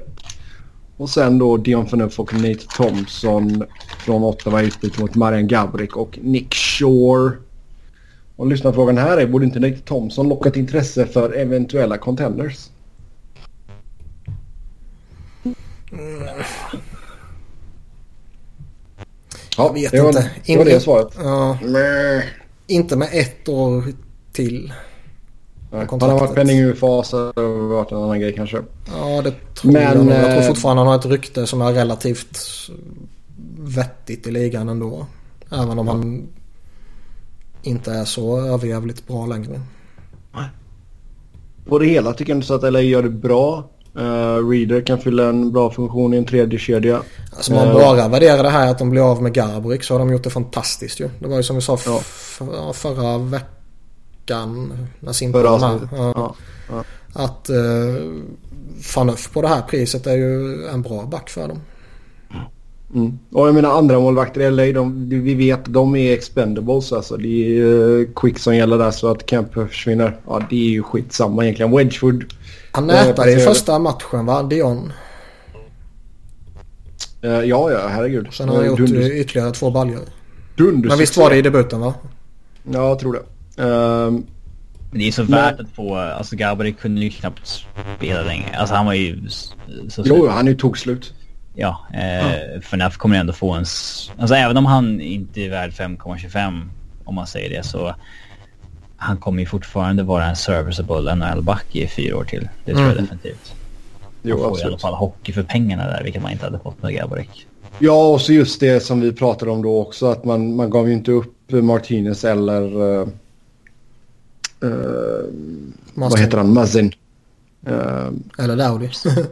Ja, eller Doughty för den delen heller. Men det är, Doughty, där får man ju lösa någonting framöver. Får, jag är så jävla skraj för att Ron Hextall kommer gå efter honom. Kan man, kan man, mm. kan man få en uh, Ghost Spare tillbaka så... Nej. Ja. Uh, Wedgwood uh, skickades ju på waivers och man tog upp Campbell som backup till Quick. Uh, att man får någonting av Kemper, det är väl bra liksom. Eh, så ja, på det hela. Alltså Riley är ju en solid spelare för djupet. Ja, absolut. Absolut. Eh, har bra fart också. Någonting som kan saknas i bottom six för Kings ibland också. Och nu boostas eh, lite hyggligt att få tillbaka Carter också. Mm. Så LA kan bli lite luriga här mot slutet kanske. Ja, kan man snika sig in på en slutspelsplats så hade det ju varit mumma. Mycket kan vi säga. Ja. Florida då. Där så eh, bytte man till sig Frank Vetrano från Boston i utbyte mot ett tredjedelsval. Sen hände det inte något mer. Eh, lyssnarfråga här. Vad hördes det något? Hördes det något Trocheck-rykte? Mm.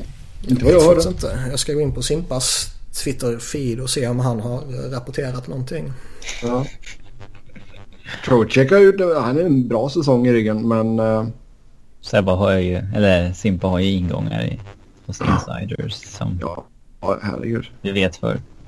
Men nej, Florida gjorde inte så jättemycket. Uh, alltså, nej, det, det, är lite det, konstigt man... med tanke på deras situation ändå. Man har ju några matcher till godo på lagen ovanför och man får ju ändå säga att de har, de har känning på slutspelet. Det fanns väl inget skoj från Chicago som Talon kunde plocka in. Nej. Men uh, Vatrano och vad ska man säga?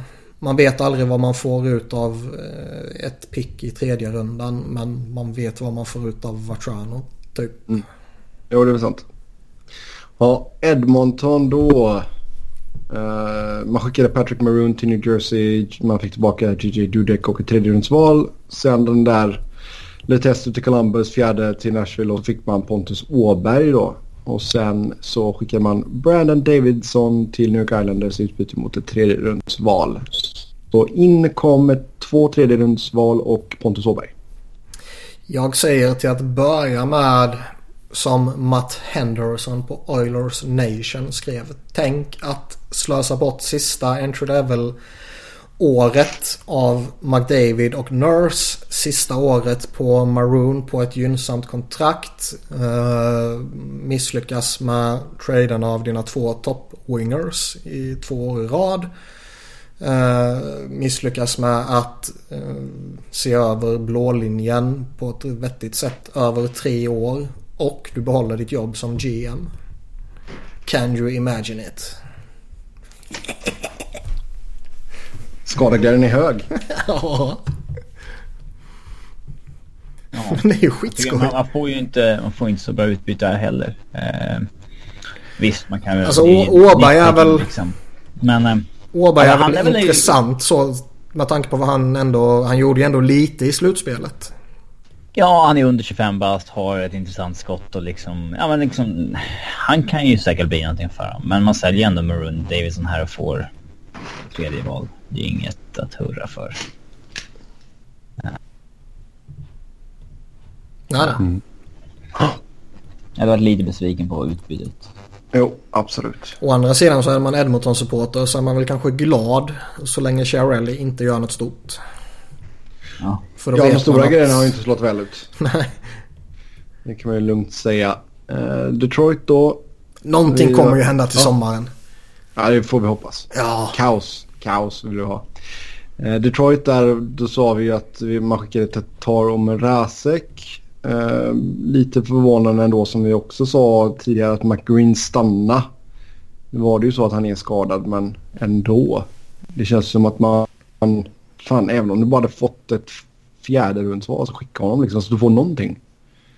Ja, kanske inte fick någonting. Men mm. uh, vi har, vet ju också att en del GMs har mindset att du ska inte... Alltså, till en skadad spelare. Nej, alltså om du har en spelare som du anser är värd, låt säga ett första val, men du får ingenting och med en kvart kvar så ringer en snubbe och erbjuder tredjedelsval. Ja. Att du ska fortfarande inte vika dig där och då för att då har du ändå visat att du kan.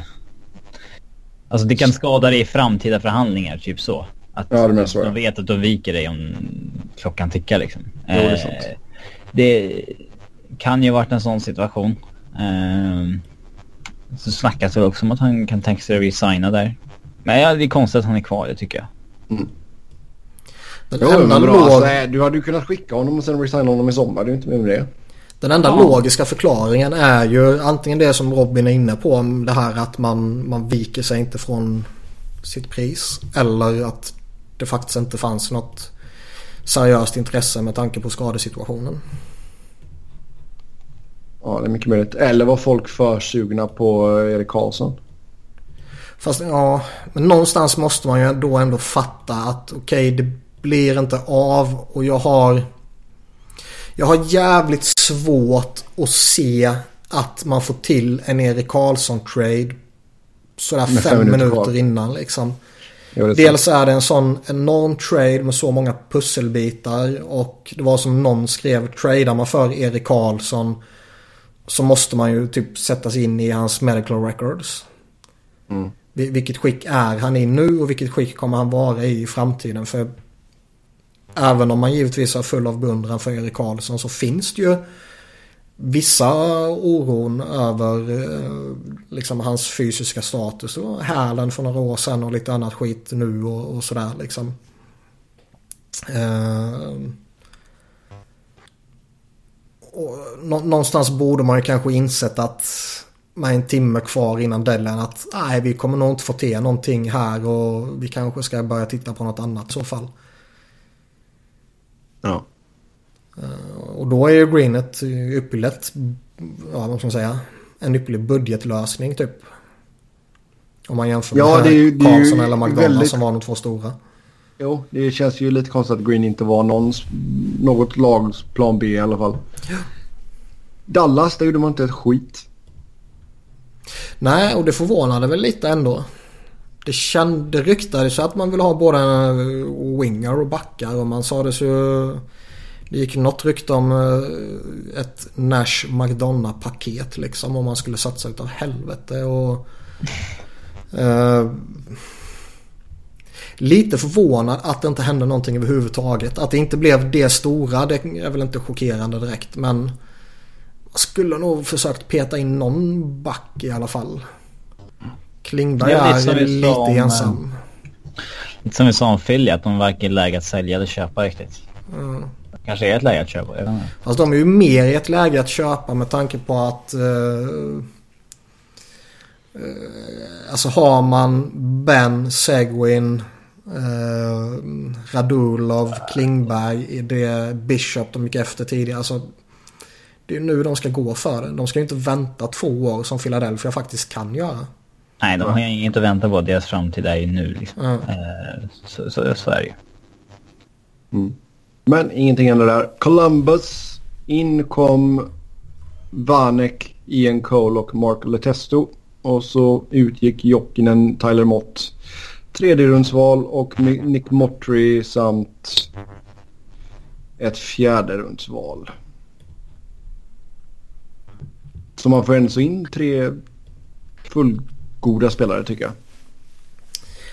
Ja, men jag tycker väl alla tre är bra för djupet. Vanek petar in han i en tredje kedja eller någonting så tror jag han inte gör bort sig så att säga. Ian Cole duger väl för att gå in i ett tredje par såklart. Och Letesto är, börjar bli till åren men jag tycker fortfarande han är en kompetent spelare för typ en fjärde kedja eller någonting.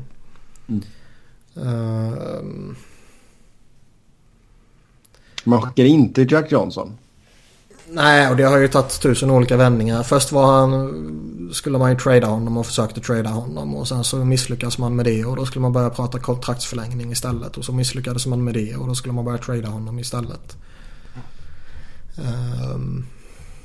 Har han ändå fått lite mer minuter nu det senaste också? Ja, jag ska väl... Lite förvånad blev jag ändå att man inte gjorde något mer, eller något större rättare sagt. Att man typ nöjde sig med djup. Att man inte försökte hitta någon spets, eller det kanske man gjorde och misslyckades. Men att man inte gick efter någon lite mer spets. Var det de som var sugna på Anisimov? ja, ryktet går att de erbjuder en third rounder för Anisimov och att Chicago skulle retaina 50%. Just. Det är, det är ju... Som att bara skicka ett långfinger liksom. Skambud så det bara sjunger om det. Ja. Man ska... Chicago betala halva Anissimovs lön i tre år för att få ett tredje rundsval. det, det, varför då liksom? Det kan, det kan ja. ju inte vara på riktigt. Det kan Nej. ju inte stämma. Kekkalainen hade dragit i sig några Koskenkorvar. ja, det är ju enda förklaringen. Ja. Och det tror jag inte han gör på deadline. Där. Man vet aldrig. Man vet aldrig med de här finnarna. Han satt i bastun med... Det hade varit kul om alla GMs tvingades så här blåsprov på... Eh, alltså, jag vill säga att vägen var att man måste ha en viss promille. Det hade ju varit roligt. Ja. ja. Se vad skulle hända. ja. Måste men, men, Det är då man får men, en uh, Webber mot Subban trade. rejectas det under trade. Uh, och blåser samtidigt. Så kommer upp på monitorerna. ja, exakt. Yep. Ja, sen Colorado. Eh, man plockade Mark Alto via waivers från Philadelphia. Sen gjorde man ingenting annat. Robin, hur tycker du man borde ha agerat? Uh, man gjorde en mindre trade uh, som är en... Som jag glömde faktiskt. Jag, jag, har ignorerat vissa saker men den glömde jag faktiskt. Ja, den är ändå lite halvstor. Det är två av lagens... Chris Bigra, en av Avs back prospects mot Ryan Graves, en av uh, New York back prospects. De har liksom helt enkelt byter prospects som har kört fast helt enkelt. Uh, mm. Och uh, han kanske... Då håller sig streaken vid liv. Man har gjort en trade på deadline i 16 år i rad. Känns ju konstigt för ett lag som har varit jävligt inaktiva på deadline i hur lång tid som helst. Mm. men uh, ja. Uh, nej men där snackade ju Joe Sakic också om att man... Uh, att man plockar Mark Alt det är väl för att man har skador på Anton Lindholm och Eric Johnson och... Ja, man vill väl ha försäkring helt enkelt liksom. Ja. jag tycker inte att det är någon big deal. Många rateat lite över att han är dålig och så vidare. Men Alltså man tar in honom gratis. Han kanske inte ska väl spela, det är bara man får någon skada till. Uh... Han har ju inte spelat överjävligt mycket i Flyers, men... Jag ska inte säga att han har varit bra, men han har liksom... Ja, han sett okej okay ut. Ja, många gillar att han har pun potential. Med namnet Alt. Att det, ja. ja, Altitude som sänder matcherna kommer göra mycket skoj på det. Eh, men eh, ja, Joe Sakic sa ju att man, eh, man hade ju Blake Como på utgående kontrakt till exempel. Att nej, men, eh, laget har kämpat sig in i kampen om en wildcard liksom. Att man ja, förtjänar att få kötta säsongen ut. Och, mm. Ja, eh, jag kan köpa det argumentet. Ron, Heck, Ron Hextall sa ju så när, när vi plockade in Marasek att laget har liksom förtjänat att jag ska ge dem det här. Uh, tycker du Colorado förtjänade att Sakic skulle köpa något riktigt? Nej, inte köpa någonting. Uh, man, då måste, man, vill ju, man är fortfarande inte i en situation där man ska ge upp, eller vill ge upp någon pix eller sådär. Eller borde inte ge upp någon pix. Liksom. Uh, lite förvånad att Andrew Hammond blir kvar kanske. Sitter med på tre målvakter. Mm. Alla födda 88. Bernier, Hammond, Varlamon. Mm. Uh, där hade kanske Pittsburgh väl haft försäkring i Hammond eller någonting. Um, men uh, nej, jag tycker väl att det är rimligt att man inte gör någonting med tanke på att Alltså man ligger ju där i, i smeten. Man har ju två poäng från en wildcard-plats. och McKinnon har ju kommit tillbaka från skadan precis som, form som han blev skadad i. Så det, det är inte omöjligt att man... Nej, men det är 20 matcher. Vilket lag som helst kan få en streak under 20 matcher när man går liksom väldigt, oh ja. väldigt bra. Ja, är man är ju där i smeten så att säga. Mm. Chicago då, där var man sellers. Skickade Hartman som vi sa samt ett femte rundsval till Nashville. Fick tillbaka första val, fjärde val och Victor Ejdsell. Sen Kempney gick till Washington, man fick tillbaka tredje val och sen skickade man Tommy Wingles till Boston i utbyte mot ett femte rundsval. Mm. Ja, man gjorde ju sådana småvettiga grejer. Um, Hartman är ju en av de här som vi har pratat lite om tidigare att trots att de inte har haft några picks typ så har de alltid lyckats fylla på med bra unga nya spelare när de har fått göra sina utrensningar. Liksom. Ja, exakt. Han är ju en av dem och visst det är väl lite surt att tappa honom men som vi konstaterade tidigare man fick bra betalt för honom och det är ju inte så att han är oumbärlig för dem. Mm. Um, det intressanta med Chicago är ju snarare vad som händer till sommaren. För det känns ju oundvikligen som att något kommer hända. De kommer ju inte tolerera den här skitsäsongen. Om det sen Nej. är coach Q som får foten efter typ fem års rykten. Men där de har fått eh, liksom för bra resultat för att kunna sparka honom så att säga. Uh, eller blir det en Seabrook, blir det en Brandon Saad eller något sånt där som man skakar om med. Det känns ju oundvikligt faktiskt. Ja. Nej, jag hoppas att Q ryker, och att han hamnar någon annanstans. Det är en sån kille som kommer vara tillgänglig typ en halvtimme. Mm. Ja, om han vill. Mm. Ja, nej, det kan bli kul. Carolina, där så som vi sa man trädde till sig Greg McKegg mot uh, Josh Joris då som gick till Pittsburgh. Uh, sen hände det inte så mycket annat. Uh, vår kära Emil är uh, uppgiven. Mm, lyssnarfråga här. Ron Francis ryktas fortsatt vara på väg ut. Tankar? Själv håller jag honom högt. Och det är ja. faktiskt en lyssnarfråga om Carolina som inte kommer från Emil. Sådär ja. Hur sjukt är inte det? Pseudonym. Ja.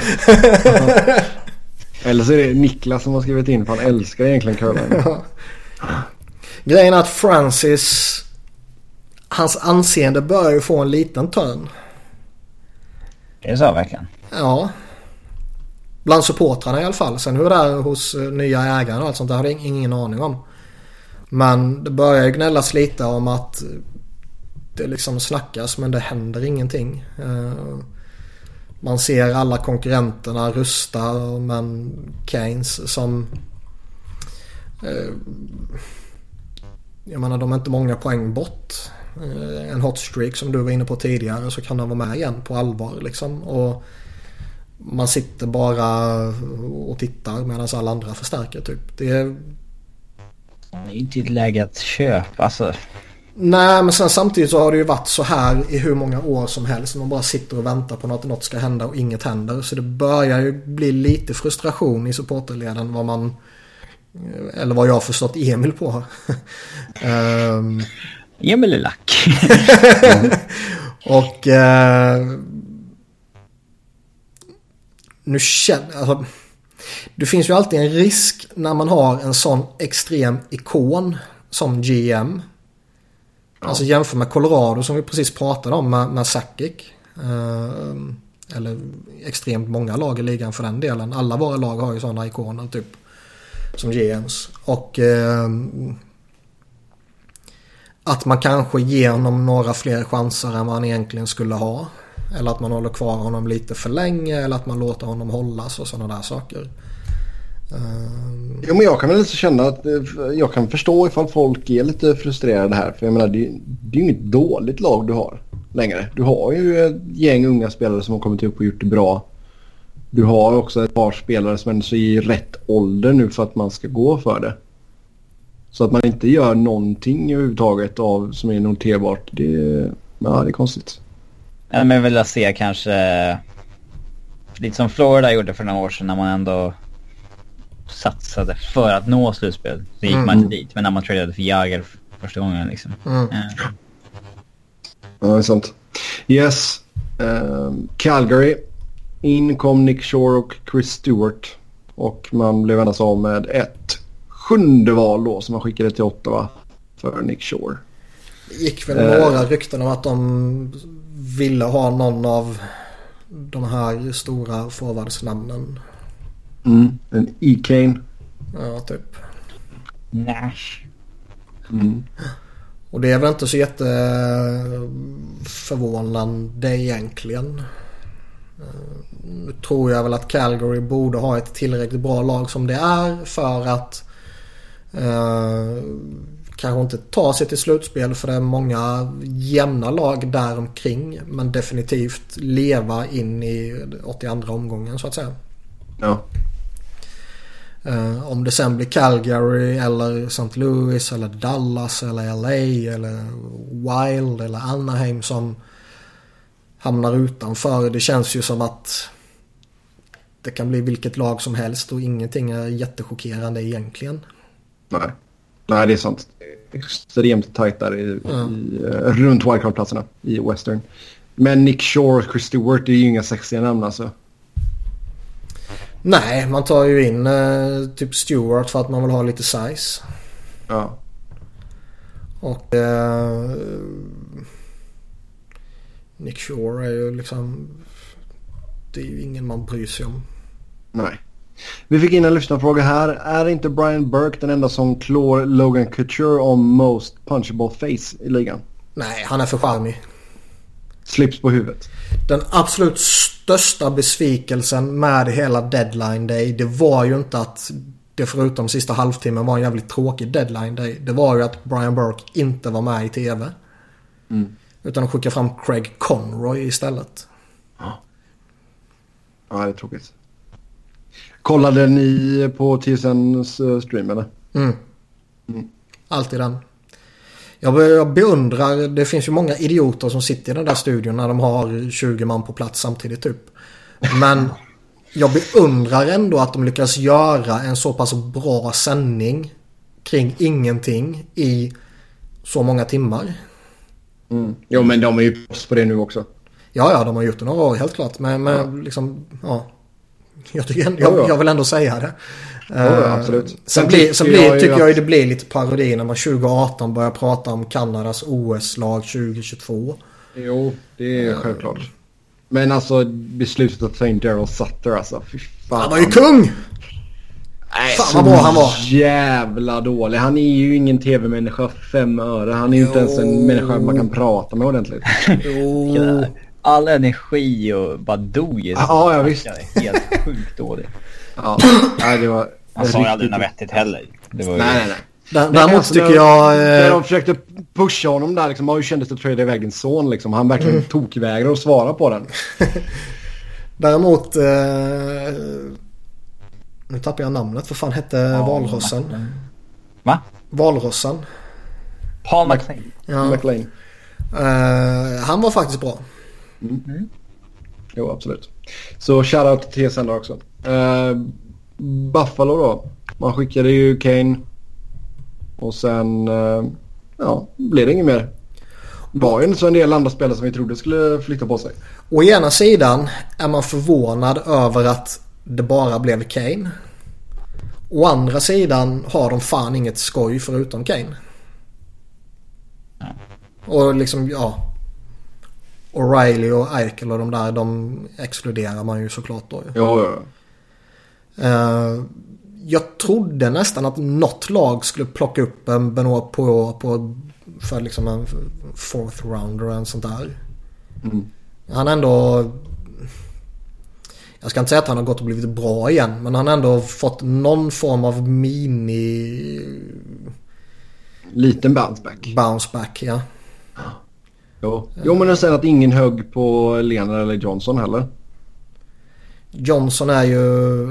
Jo men det är en sorts namn. Han är, han är vad han är liksom. Lenar är ju...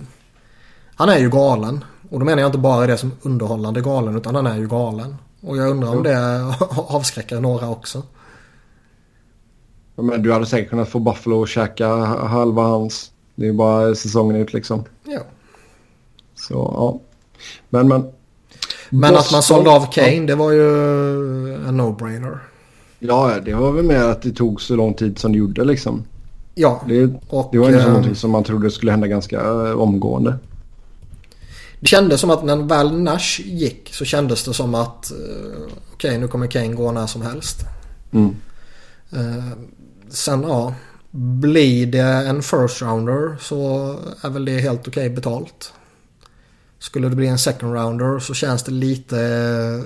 Lite billigt. Lite, lite, lite besvikelse tror jag. Ja, absolut. Boston då, där plockade man in Rick Nash, Tommy Wingles, Nick Holden.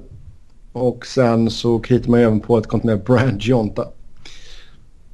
Eh, man tappar ett första val. Ryan Spooner, Matt Beleski, Ryan Lindgren då till New York Rangers tillsammans med ett sjunde val.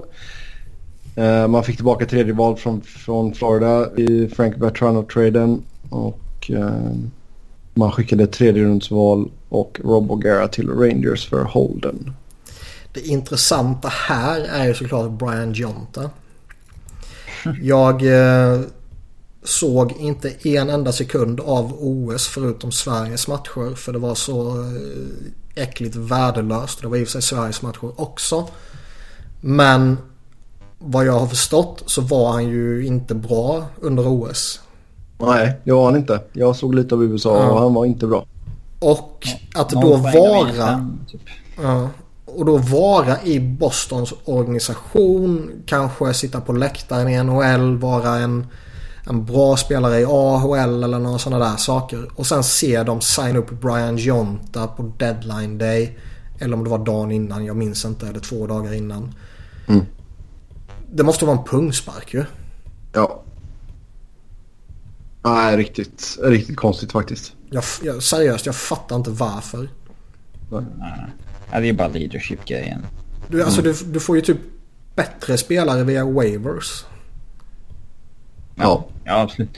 Det sägs också att... Eh, eller René Borks agency sa att det var fyra lag i NHL som ville signa honom. Men mm. han är ju under kontrakt med Djurgården och får inte bryta. Haha. um, efter Jonta så är det väl Nash som är det andra mest intressanta. Jo, det vill jag hålla med om. Eh, även om jag håller Tommy Wingles väldigt högt.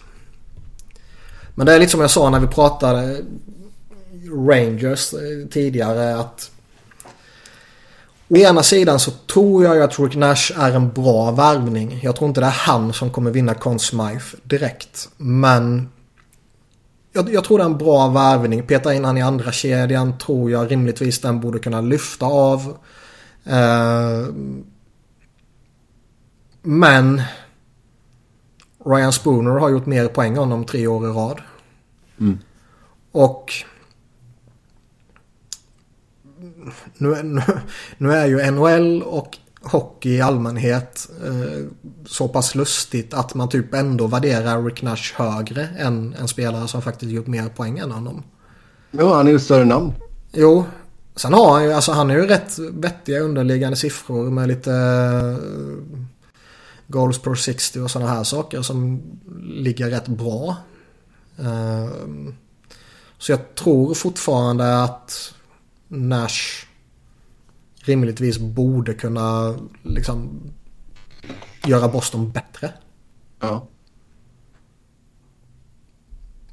Uh, sen fick ju ja, Rangers som vi sa innan, de fick ju bra betalt för honom. Absolut. Men jag tycker ändå det är skoj här och, sen, och liksom Nick Holden, han är ju vad han är. Antingen är han okej okay, eller så är han klappkass. Men jag är inte ens säker på att han egentligen borde gå in bland sex ordinarie i Boston. Nej. Och Tommy Wingles, ja han duger för lite djup liksom. Men eh, det kändes ändå rätt rimligt på något sätt att Boston går för det här genom att plocka in lite folk. När de har gått så pass bra som de gjort där mot slutet och det känns som att de... Alltså, Tampa håller jag ju som klart stora favoriter i Eastern men bakom dem så känns det ju vidöppet. Mm. Där kan Pittsburgh smita in och Boston kan smita in och Toronto kan smita in och sen kanske något annat eh, lag går på någon jättehot streak. Och det ska kunna vara allt från liksom eh, Philadelphia eller New Jersey eller Columbus typ liksom. Washington räknar man ju bort på grund av de här Washington. Men annars bakom Tampa tror jag verkligen det är vidöppet. Och ja, som sagt, Nash gör väl Boston bättre då. Men å andra sidan kommer de upp mot Toronto i första rundan så skulle jag ju inte bli förvånad om det är Toronto som går vidare. Nej. Ja. Arizona då. Man skickade som sagt Tobias Reader och Scott Wedgwood till LA utbytt mot Darcy Kemper. Och sen skrev man en tvåårsförlängning med honom. med En capita på 1,85 miljoner. Sen hände det inget mer. Uh, Ja, alltså Kemper är väl okej okay som en backup liksom. Det Ranta stannade ju och det allt säger ju att man vill förlänga med honom. Sen var det väl eh, en obefintlig målvaktsmarknad. Det var väl Philadelphia ja. som behövde en målvakt där och när de väl fick den så dog väl målvaktsmarknaden. Lite så. Jo, alltså det hade varit ifall Pittsburgh bestämde sig för att oj nu fick eh, Murray en puck i huvudet. Mm. Det, det var ju typ det. Uh, lite snack om uh, något lag eller några lag var intresserade av Max Domi men det känns ju inte som att Arizona var i ett läge att skicka honom med tanke på att han var hans shooting percentage är typ 4 eller någonting. Uh, nej, det är inte så att de desperat måste dumpa honom. Nej, nej, nej, herregud. Jag menar om något så är ju hans lilla slump, eller lilla slump, en ganska rejäl slump i och för sig den här säsongen ger ju bara dem ett bättre läge när de ska förhandla nytt här nu. Ja, typ. Så uh, nej, det händer inte mycket i Arizona. Kanske att det kan hända lite grejer till sommaren. Det är väl typ det. Mm. Sist ut då, Anaheim. Där skickar man Chris Wagner till New York Islanders utbyte mot Jason Chimera. Så uh, veteranen in där. Och sen uh, skrev man ett kontrakt med Chris Kelly. Ja, och exakt samma resonemang som jag slängde fram om Brian Jonta kan man ju slänga fram kring Chris Kelly också. Eh, visst, nu gjorde han väl något avgörande mål eller någonting för Kanada eller vad fan det var. Men... Eh, äh, fy fan för att sitta i den organisationen och se laget signa honom. Ja. De måste ju, det är konstigt. Ja, jag, jag förstår det verkligen inte. Uh, den andra traden där som jag sa kring Islanders. Man byter skräp mot skräp i princip. Lite djup mot lite djup. Uh, ja. Typ. Äh, jag måste göra någonting. Men jag vill inte göra något stort. Nej men alltså jag menar det, det känns ju inte som att det här är någonting som förstärker deras chanser. Nej nej. Överhuvudtaget. Det är fortfarande inte jäkla race där liksom. Just nu när vi spelar in detta så ligger San Jose tvåa i Pacific med 75. Sen har du Anaheim på 74 poäng. Kings och Flames på 73 poäng. Ja, eh, och som jag sa tidigare där att alla de lagen som ligger där runt omkring i det klustret. Alltså oavsett vilket lag som missar så blir man väl egentligen inte förvånad att just de missar typ. Nej. Uh, och Anaheim. Jag vet inte. De har ju brukat vara lite köpare kring deadline och sådär och inte alltid GM och coach har varit synkade i och för sig. Men eh, det känns ändå som att ja, fan vet om de ändå inte gjorde rätt som inte var köpare denna säsongen. Ja, mycket möjligt. Alltså sedan så tittar man på deras core så börjar den komma upp i åldern också liksom. Jo, men då kanske det är bättre att... Äh, alltså även om de skulle petat in en... Det ryktades ju lite om både Nash och Kane till exempel. Och även om de skulle petat in någon av dem där så... Jag tycker det känns väldigt osannolikt att de skulle gå hela vägen. Jo. Då kanske det känns bättre att uh, ladda om inför nästa år. För... Jo, absolut. De är ju inte samma maskin längre. Nej, och man tycker att näst, alltså denna säsongen eller nästa säsong. Det borde inte vara så jättestor skillnad på eh, Anaheims chanser, vare sig positivt eller negativt. Mm. Visst, de här gamla gubbarna är ett år äldre och Eh, Kessler blir kanske lite mer långsam och Corey Power kanske faller av lite till. Men rimligtvis kanske Rakell och Silverberg och några till tar något litet steg. Och, eh, de har ju fortfarande några backar som skulle kunna ta ytterligare något steg liksom. Så. Ja. Yes. Ja. Vi har två lyssnarfrågor som vi ska avsluta med. Vilken GM är minst bra efter Bergevin såklart? Ja, Peter Chiarelli är ju etta såklart. Ja. Eller 31 beroende på hur man räknar. Mm. Ja. Eh, sen vilken var den mest underskattade traden? Vem av eh, ifyllnadsspelarna kan vara bäst för sitt nya lag? Marasek. Ja. Ja, känns ju segt att behöva hålla med det där men ja. Ja men har jag rätt har jag rätt. ja, vad är det man säger? även, även en blind höna. um. Maroon får ju väldigt billigt till Devils också. Mm. Brassard är väl kanske lite för stor för att nämna egentligen. Men jag tror han kommer vara en supervärvning för Pittsburgh. Uh, Vanek tycker jag är otroligt bra bang för back där. Eller inte back blir det inte men... Uh, Uh, Bang för gratis. Uh, ja. Nej, det är sant. Tramsigt i TSN-studion när det var så här. Minst vad han heter, men han som är idioten. De som sitter där med James Duffy och inte Johnson såklart. Han som är vettig. Men uh, han som sa att efter att ha sett Vanik i slutspelet med Montreal skulle jag aldrig låta honom spela i mitt lag i slutspel. Liksom. Ja, Jeff O'Neill eller var det han? Ja, troligtvis. Det. Uh, ja, det är det Och det där slutspelet... Alltså förväntningarna på honom var ju mycket högre då. Går han in och gör fem mål och fem assist på 17 matcher, det är väl jättebra liksom. Ja, ja. Mm. Men det känns som att hela hans rykte har ju fått sig en jättetörn av just den traden.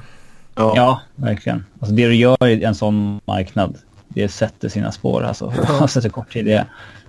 Ja. Det är nog rätt många år sedan nu. Ja. Ja, det är det. Yes, med det då säger tack och hej för den här gången. Som vanligt så kan ni alltid följa oss på Twitter. Och påpeka på... att ja. uh, Philadelphia är det bästa laget i ligan sedan årsskiftet. Ah, gud. Ah, Twitter som sagt. Mig kan ni följa på Noren. Niklas kan ni avfölja på Niklas Wiberg. Niklas med C och enkel V. Och Robin hittar ni på R Fredriksson. Tills nästa gång, ha det gött. Hej!